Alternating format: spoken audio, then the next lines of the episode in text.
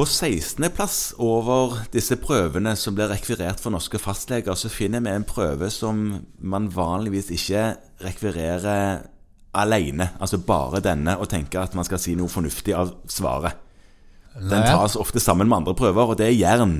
Ja, den bør jo i hvert fall ikke tas helt mutters alene, Nei, for da vet du ingenting. Nei, nei, altså du vet jo for så vidt hva svaret på jernprøven var, men du eh, trenger, og dette har vi jo kanskje ikke vektlagt tydelig nok eh, til nå, men det som er viktig da, det er at når du tar en prøve, så bør du allerede ha et spørsmål i hodet.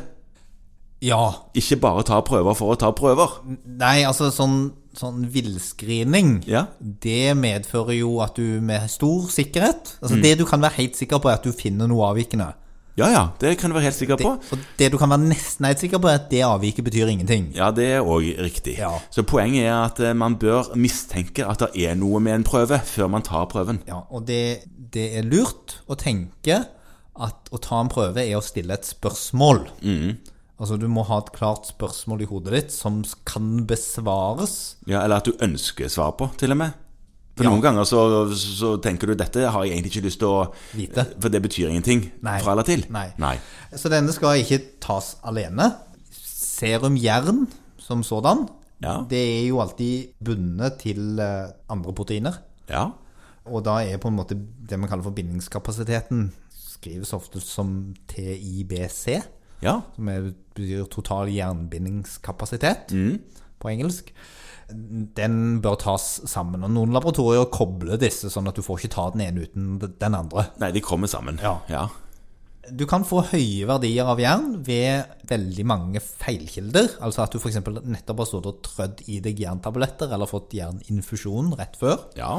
Eller at du har fått blodoverføring, eller at du har en, det man kan få en hemolytisk anemi. Ja, at eh, du, du altså, rød blodcellene har gått i stykker, og jernet lekker ut i blodbanen. Ja. Og så kan du få det ved én tilstand som er ikke veldig sjelden og viktig å avklare, og det er hemokromatose, som er en jernlagringssykdom. ja. Det er kanskje den eneste sykdommen hvor den universalbehandlingen årelating fortsatt gjelder. Ja. Ja. Så det er jo litt gøy at ting de holdt på med på 1500-tallet, i noen sjeldne tilfeller hadde en livsviktig effekt. Så viktig var årelating at et av de viktigste medisinske tidsskriftene har gi- fått navnet sitt etter instrumentet man brukte til årelating, nemlig The Lancet. Ja. Ja. Så, så eh, det kan fortsatt brukes. Og så kan man få lave verdier. Ja, Og det kan man få ved jernmangel. Altså at ja at har man sett- spiser lite jern. Ja, eller har tapt det. Ja. Eh, og så er det viktig å huske at det man kaller for akutt fase, i- i betennelser eller andre akuttsituasjoner, kan også gi falskt lave jernverdier. Ja, akutt fase var det vi snakket om, eh, f- om CRP sånn for eh, en ukes tid siden.